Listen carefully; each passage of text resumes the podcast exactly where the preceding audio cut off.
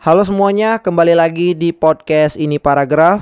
Sebuah podcast yang dapat didengar kapan saja dan di mana saja, hanya di Spotify.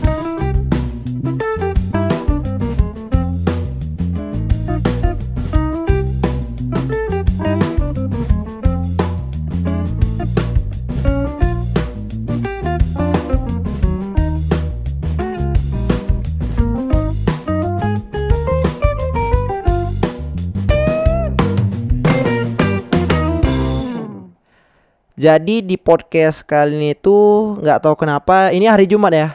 Eh, aku pengen ngomongin tentang gimana caranya aku berusaha untuk dapat menghindar dari quarter life crisis. Nah, sebelum aku masuk ke inti pembahasan podcast kali ini ya, aku tuh pengen ngucapin terlebih dahulu ke kalian semua yang udah dengerin podcast ini paragraf udah ada dua episode ya sekarang ya, guys ya. Uh, episode pertama itu bicara santai, episode kedua ngaur ngidul tentang eh bukan ngaur ngidul dah. Episode pertama tuh ngaur ngidul, episode kedua tentang uh, pro kontra Maudi Ayunda dari perspektif Kak Fatia. Ya kan, salah satu orang yang fokus dalam isu hak asasi manusia. Di sana aku komen tentang pandangannya terhadap beban ekspektasi yang selalu dilimpahkan kepada anak muda. Bahwa ya kok kita ngulang lagi ya? Kalau misalkan kalian pengen tahu pembahasannya seperti apa ya kalian dengar aja lah yang apa podcast ini paragraf episode kedua. Sekarang kita masuk ke episode ketiga. Di episode kali ini tadi aku udah jelasin di awal kita akan bahas tentang gimana caranya aku menghindar dari quarter life crisis ini kita cuma sharing perspektif aja ya guys ya. Kita sharing-sharing aja. Oh ya, aku perlu kasih tahu ke kalian juga bahwa sekarang aku tag podcast ini sekitar jam 11. Tadi aku habis kelarin project BI gitu ya. Uh, kelarin video ucapan Idul Fitri yang melibatkan Gubernur Kepri, uh, kepala kantor perwakilan Bank Indonesia juga. Ya pokoknya aku senang lah aku dilibatkan di sana. Terus uh, sama project lainnya. Aku ada dua project guys. Oke. Uh, aku nggak tahu itu penting atau enggak. Itu cuma sekedar for your information aja. Oke. Nah, uh, tadi aku ngucapin terima kasih ke kalian yang udah dengerin podcast ini paragraf. Terus juga aku pengen reminder lagi bahwa podcast ini paragraf itu akan selalu rutin setiap hari Jumat ya. Itu podcast baru selalu ada. Kalaupun hari Jumatnya ada bukan ada kalaupun hari Jumatnya aku nggak upload atau nggak publish podcast, mungkin dikarenakan aku lagi ada kegiatan yang memaksaku untuk tidak membuat podcast, gitu kan? Itu aja pada intinya. Jadi aku harap teman-teman kalian, teman-teman kalian, teman-teman sekalian bisa menunggu uh, mendengari podcast ini paragraf dengan ketenangan hati, tidak timbul iri dengki, tidak uh, ada perasaan buruk tentang aku ataupun tentang siapa pun. Pokoknya aku berharap pendengar podcast ini paragraf itu ya apa namanya isi kepalanya itu masih kosong gitu. Jadi ketika mendengar podcast ini isi kepalanya berisi dan berharap sih kalian bisa apa mendapat gairah positif lah setelah mendengarkan podcast ini paragraf. Oke, kita masuk ke poin pembahasan. Tadi kan uh, judul yang aku angkat itu gimana caranya supaya aku menghindar da eh gimana caranya supaya aku uh, dapat menghindar ya betul lah dapat menghindar dari quarter life crisis. Uh, sebelum kita masuk gimana cara aku berusaha untuk menghindar quarter life crisis itu sendiri, aku pengen uh, menyadarkan kalian definisi terkait dengan quarter life crisis yang aku ketahui.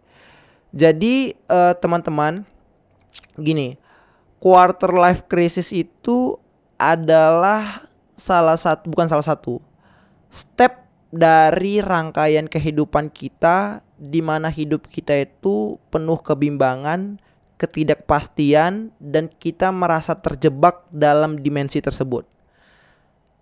Biasanya quarter life crisis itu yang aku baca dari berbagai literasi ya, itu berada di range umur 20 sampai 30 kalaupun ada, ada apa range tambahan gitu ya umur tambahan itu mungkin kisaran 20 sampai 35 tahun. 35 tahun ke atas itu udah bukan quarter life crisis lagi, yaitu udah memang tanggungan hidup dia sendiri lah gitu kan. Nah, karena kan persim uh, quarter life crisis itu jika kita definisikan di Indonesia itu kan quarter, artinya persimpangan. Ya, persimpangan usia manusia itu berada di range umur 20 sampai 30. Karena di umur 20 itulah dia telah melewati berbagai masa uh, pembelajaran. Ya walaupun di ada juga sebagian orang yang di umur sekian, di umur 20 gitu masih dalam tahap pembelajaran. Namun yang yang aku maksud adalah di umur 20 sampai 30 itulah manusia dipaksa untuk dapat mengontrol dirinya secara pribadi dan mandiri, terlepas dari tanggungan orang lain, termasuk keluarga. Jadi di dalam apa di fase quarter life crisis itulah kita dipaksa untuk menjadi manusia independen, manusia yang bisa menentukan uh, bukan men ya menentukan apa nih pandangannya sendiri, pendapat, menentukan uh, decision apa keputusan pribadi apakah akan melakukan A atau melakukan B atau melakukan C atau melakukan hal-hal lainnya. Pada intinya Quarter life crisis itu adalah fase di mana kita manusia dipaksa untuk dapat bisa menjadi manusia independen.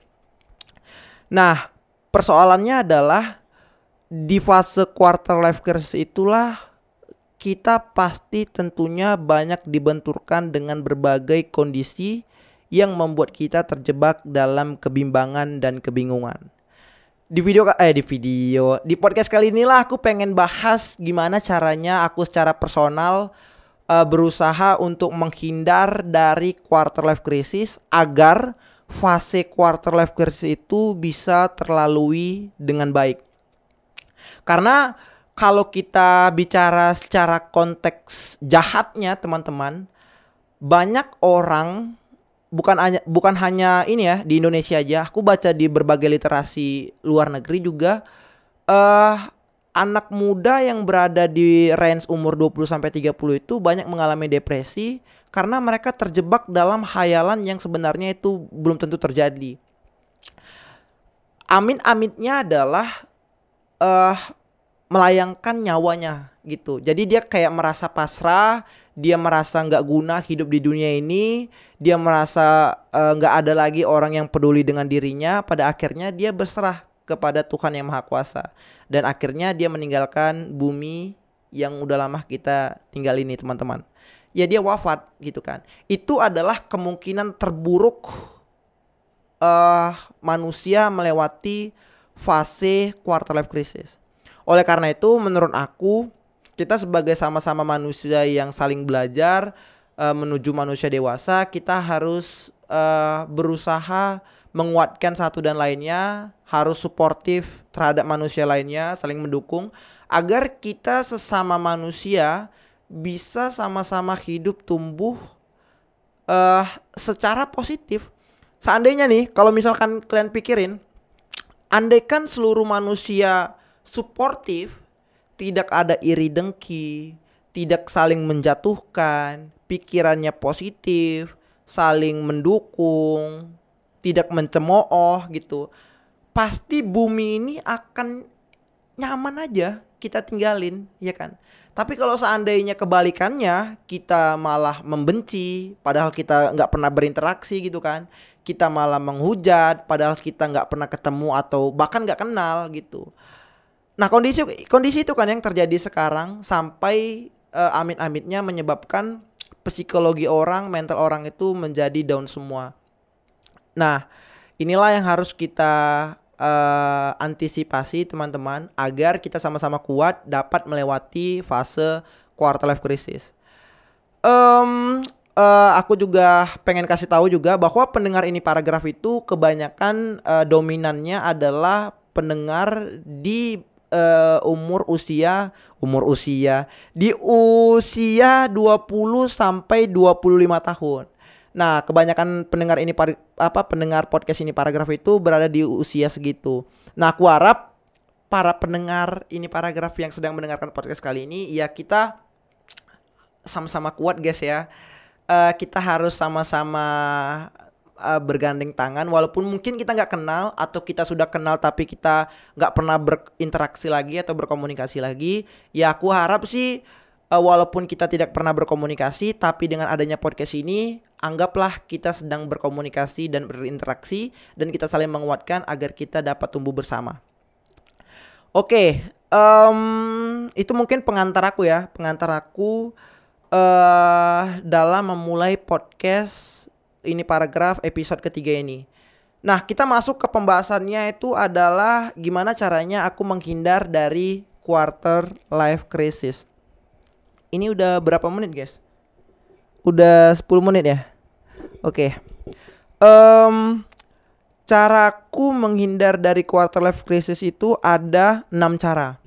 Pertama adalah uh, cari teman yang menurut kalian pribadi secara personal bisa diajak deep talk untuk berbagi keluh kesah persoalan hidup. Terus yang kedua, mulai perbaikan kebiasaan yang kurang baik menjadi kebiasaan baik yang produktif untuk meningkatkan semangat gairah kalian untuk melakukan aktivitas setiap harinya. Yang ketiga, berani untuk membatasi diri terhadap sosial media. Yang keempat, dekatkan diri kalian pada buku. Yang kelima, ibadah. Dan keenam adalah kalian harus bisa menempatkan diri kalian pada tempat-tempat yang bisa menaikkan semangat gairah kalian agar kalian dapat terus beraktivitas bagaimana mestinya. Kita mulai dari yang pertama, teman-teman. E, cara aku yang pertama untuk menghindar dari quarter life crisis itu adalah aku berusaha selalu sekarang ya berada di umur 20 21 aku umur 20 berapa ya? 21 kan? Iya aku lahir tahun 2000 sekarang tahun 2022 ya aku sekarang berada di umur 21 nah yang aku lakukan untuk menghindar dari quarter life crisis yang pertama adalah aku selalu berusaha sekarang untuk mencari teman-teman yang suportif teman-teman yang bisa diajak deep talk untuk berbagi keluh kesah. Kenapa itu penting? Karena ketika kalian sudah berada teman yang apa sudah mendapatkan teman sefrekuensi, teman yang mengerti pikiran kalian dan kalian pun mengerti pikiran dia, apa perasaan eh gimana perasaan mentalnya, apakah baik, apakah buruk atau biasa-biasa saja dan dia juga mengerti perasaan kalian pada hari itu. Dan ketika kalian interaksi dan komunikasi, maka komunikasi yang tercipta itu akan baik dan suportif. Itu sebenarnya kuncinya teman-teman aku jujur uh, akhir-akhir ini emang uh, berusaha untuk selalu mencari teman yang bisa aku ajak di deep talk. Karena uh, dari apa dari berbagai teman yang aku temuin teman-teman mereka itu aku lihat selalu bahagia di sosial medianya.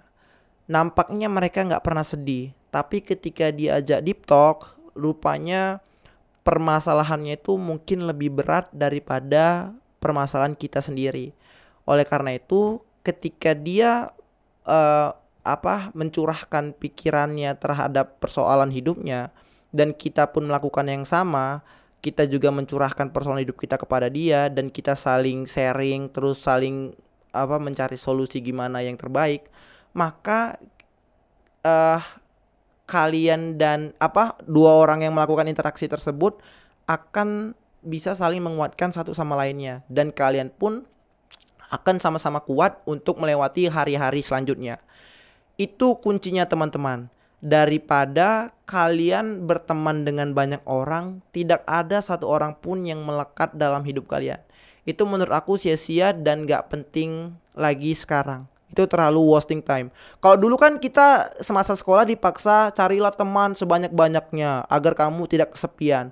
Dan menurut aku di di kondisi quarter life crisis sekarang itu sebenarnya uh, kurang tepat. Bukan nggak perlu, tapi kurang tepat jika kita asumsikan bahwa itu adalah salah satu faktor utama untuk bisa menghindar dari quarter life crisis. Karena menurut aku uh, banyak teman uh, yang tidak ada melekat maksudnya banyak teman tapi dia ya cuma sekedar teman aja itu menurut aku buat apa juga gitu kan lebih baik kita punya sedikit teman dia suportif dia mendukung aktivitas dia mendukung aktivitas kita Dia tahu aktivitas kita, dia selalu mendukung kita ketika kita lagi down dan menurut aku itu teman-teman yang harus kita jaga. Uh, teman-teman yang suportif itulah yang kita harus pertahankan. Uh, kita jaga terus komunikasinya agar kita dan dia bisa tumbuh secara positif untuk bisa melewati quarter life crisis. Yang kedua itu adalah mulai perbaikan eh perbaikan, mulai perbaikin kebiasaan yang kurang baik menjadi kebiasaan produktif untuk mencegah pemikiran jahat yang masuk kepala. Yang aku lakukan sekarang adalah ketika aku lagi anggaplah aku memiliki waktu senggang, aku berusaha melimpahkannya di internet, teman-teman. Karena kalau misalkan aku memiliki waktu senggang dan aku limpahkan lihat TikTok 24 jam atau lihat Instagram scroll-scroll kebahagiaan orang, itu uh, secara pandangan aku pribadi aku merasa uh, gimana ya ada perasaan iri dengki dalam diriku untuk menjadi seperti orang yang aku lihat di Instagram itu teman-teman. Perasaan dengki aku itu ada perasaan iri aku itu ada. Jadi cara aku untuk menghindar dari perasaan iri dan dengki itu ya udah aku limpahkan ke internet aku menulis aku membuat satu blog aku bercerita di sana aku buat podcast aku bercerita aku buat YouTube aku melatih uh, skillku dalam editing pokoknya uh, explore ilmu baru dan lain sebagainya. Ketika kalian memanfaatkan momen-momen yang di mana waktu kalian senggang itu tapi kalian jadikan sebagai waktu produktif maka itu bisa menjadi salah satu alternatif kalian untuk menghindar dari quarter life crisis dan kalian tidak merasa terjebak dalam dimensi yang kosong teman-teman. Itu yang kedua mulai melakukan perbaikan yang kurang baik menjadi kebiasaan yang produktif. Yang ketiga adalah berani untuk membatasi diri pada sosial media. Oke, uh, poin ketiga ini yang menarik, teman-teman. Jadi uh, aku secara personal memiliki dua Instagram. Ini anggap sosial media ini dalam konteks Instagram ya, eh, teman-teman, bukan Twitter, bukan bukan yang lainnya. Aku sekarang bicara Instagram. Aku jujur punya dua akun Instagram. Pertama akun ini paragraf, akun ini paragraf dan yang kedua adalah akun Ronaldo ANTS akunku pribadi. Dulu aku berpikir akun Ronaldo ANTS itu adalah akun untuk aku berkarya dan akun ini paragraf. Tapi ketika aku mulai berbenah diri, mengintrospeksi diri, aku merasa aku harus punya batasan terhadap privasiku. Jadi akun Ronaldo ANTS itu adalah akun pribadiku secara personal. Hanya orang-orang yang aku kenal dan aku tahu aja yang aku follow dan selebihnya yang aku nggak kenal, ya, ya bukan nggak kenal, yang yang cuma sekedar kenal, ya aku berani uh, membatas diri dengan mengunfollownya. Uh, ya seperti itu. Jadi aku membatas membatas media pribadi personalku dan uh, membiarkan bukan membiarkan membuat satu akun lagi yang di mana itu adalah sebagai best creativityku yaitu Instagram ini paragraf. Jadi aku uh, pengen kasih tahu ke kalian bahwa kita sebenarnya perlu punya batasan uh, untuk uh, bersosial media teman-teman punya batasan untuk bersosial media agar mental healthy kita itu bisa sehat dan kita pun uh, selalu bukan selalu bisa merasa kuat untuk terus bisa menghindar dari quarter life crisis yang penuh akan ketidakpastian ini. Karena yang itu aku bilang tadi teman-teman bahwa buat apa kita banyak teman tapi tidak ada satupun yang melekat. Lebih baik kita punya sedikit teman tapi teman-teman itulah yang suportif yang selalu ada every time every time every time uh, apa yang sedang kita lakukan. Pokoknya ketika kita susah dia selalu hadir uh, untuk mensupport kita dan membangkitkan semangat kita untuk melakukan aktivitas-aktivitas kemudian kemudian kemudian kemudian dan seterusnya. Um, itu teman-teman uh, berani mem Oh ya, aku juga uh, karena aku saking beraninya, bukan saking beraninya, mulai memfinalkan diri aku untuk memberi batasan pada sosial media. Dulu uh, sedikit cerita teman-teman, Instagram Ronaldo ANTS itu adalah followersnya 1980 berapa gitu. Bagiku itu adalah angka yang lumayan banyak gitu. Tapi aku e, ketika aku mengintrospeksi diri, e, aku berpikir bahwa angka itu sebenarnya nggak penting dan orang-orang yang follow ataupun aku follow itu sebenarnya nggak penting juga. Jadi ya aku berani membatas diri untuk mengunfollow mereka dan memprivate akun Instagramku. Jadi akun personalku ya itu adalah persoalan privasiku. Hanya teman-teman yang aku kenal aja yang aku ketahui yang mengetahui aktivitasku dan aku mengetahui aktivitas mereka. Pula sebaliknya. Kira-kira seperti itu teman-teman. Tetapi kalau misalkan kalau misalkan tetapi kalau akun ini paragraf yaitu akun untuk public di mana itu adalah seperti yang aku bilang tadi best creativityku untuk melakukan aktivitas di internet. Kalau misalkan sebenarnya kalau kita terus bahas sosial media pembahasannya akan panjang tapi cara aku untuk menghindar dari quarter life crisis yang ketiga itu adalah berani untuk membatas diri pada sosial media. Oke. Paham ya teman-teman ya? Nah, yang keempat adalah uh, mendekat mendekatkan diri pada buku. Kenapa mendekatkan diri pada buku adalah salah satu caraku untuk menghindar dari quarter life crisis? Karena teman-teman, uh, aku nggak tahu ya, uh, apakah ini kebiasaanku sejak pandemi atau yang yang merubah pola pikirku gitu ya bahwa aku merasa semangat literasi itu penting teman-teman untuk perbaikan pola pikir. Buku adalah tempat pelampiasan terbaik ketika kita sedang down. Kenapa? Karena ketika kita membaca, otak kita akan terdistract untuk fokus membaca kata per kata yang ada dalam buku tersebut ter ini uh, sebenarnya tergantung bacaan yang kalian baca, tapi bacaan yang aku baca itu adalah uh, sekarang lebih ke self improvement, self development seputar akuntansi karena aku jurusan akuntansi kan. Uh, ya pada intinya kayak gitulah. Ketika aku merasa down, aku mendekatkan diri pada buku dan membaca buku yang bisa yang aku percaya bisa membangkitkan semangatku eh yang bisa membangkitkan mentalku untuk semangat kembali. Nah, uh, ketika aku melakukan itu, aku merasa ih asik juga ya gitu. Aku merasa tenang, pikiran jahatku pergi, uh, aku tidak memikirkan hal-hal yang seharusnya tidak aku pikirkan dan aku kembali fokus pada rencana dan rancanganku yang telah kurancang untuk kemudian hari. Uh, kayak gitulah teman-teman pada pada intinya ketika kalian mendekatkan pada apa mendekatkan diri pada buku uh, buku itu seperti akan menjadi teman kalian untuk memberi saran untuk memberi introspeksi agar diri kalian berbenah untuk menjadi manusia independen yang betul-betul uh, apa sih namanya yang betul-betul berguna. Bukan berguna yang betul-betul bisa menjadi manusia sesungguhnya gitu. Kalau kita bicara manusia manusia sesungguhnya seperti apa itu pembahasannya akan panjang. Kalau kita bicara tentang bagaimana cara supaya baca buku tidak kepikiran hal-hal lain itu pembahasannya akan panjang tapi uh, di di podcast kali ini aku hanya sebatas pengen bahas gimana caranya aku menghindar dari quarter life crisis.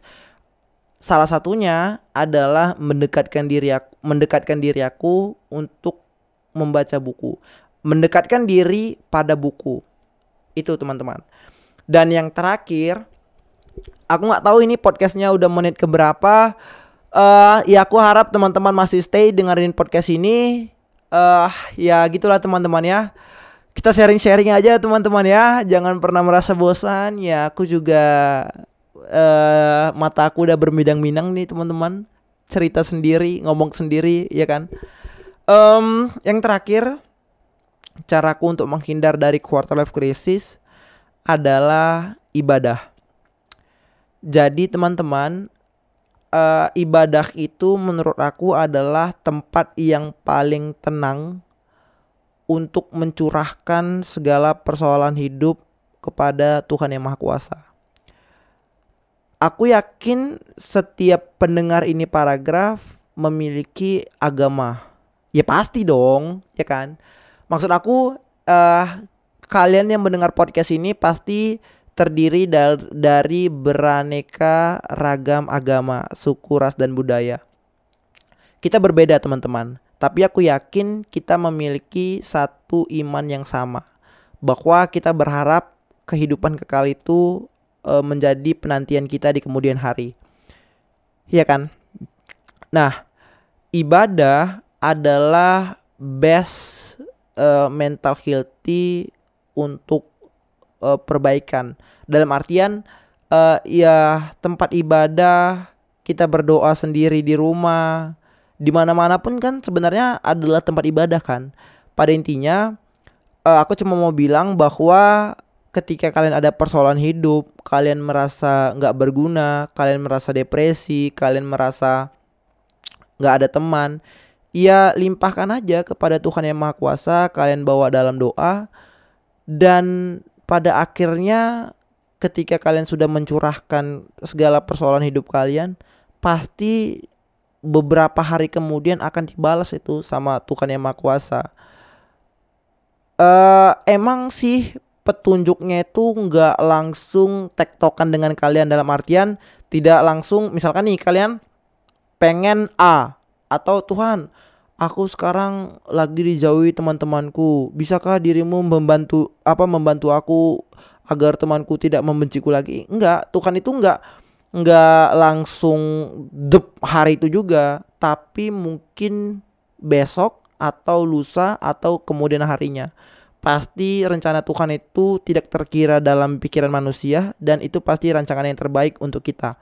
Jadi, ibadah adalah tempat terbaik untuk menghindar dari quarter life crisis, teman-teman. Ketika kalian sudah mencurahkan kepada Tuhan yang Maha Kuasa, kalian sudah plong, kalian sungguh-sungguh berdoa atau meminta pengampunan atau minta uh, semangat atau minta apa segala segala, segala sesuatu yang kalian dambakan maka uh, itu salah satu pondasi akar kalian untuk terus semangat melewati quarter life crisis dan kalian tidak mul tidak mudah terjebak dalam dimensi kosong. Oke, teman-teman, itulah caraku untuk menghindar dari quarter life crisis. Jujur, uh, sampai detik ini pun aku masih berusaha untuk menghindar dari quarter life crisis. Sebenarnya masih panjang pembahasannya, tapi mungkin aku akan bahas di next podcast. Gimana caranya melakukan A, gimana caranya supaya nggak depresi, gimana caranya supaya uh, menjaga komunikasi dengan teman, gimana caranya supaya produktif dan lain sebagainya. Mungkin di podcast kali ini hanya itu aja teman-teman yang bisa aku bahas. Aku jujur li udah berbinang-binang mataku. Uh, pada intinya, teman-teman, kalian yang sedang berada di fase quarter life crisis, terus semangat, jangan pernah berhenti, jangan pernah merasa diri kalian tidak berguna bagi orang lain. Kalian itu adalah manusia yang hebat, teman-teman. Jujur, tanpa kalian sadari, pasti kalian punya uh, kelebihan yang mungkin kalian gak anggap itu adalah kelebihan bagi diri kalian. Oleh karena itu, percayalah pada diri kalian sendiri, jangan pernah dengerin orang lain, tuntunlah, nahkodahkanlah diri kalian agar kalianlah yang bisa melewati badai itu dengan independen. Um, pada intinya itu teman-teman, aku cuma mau bilang semangat uh, cukup ya teman-teman ya. Terima kasih. Sampai jumpa di podcast ini paragraf selanjutnya. Thank you semuanya.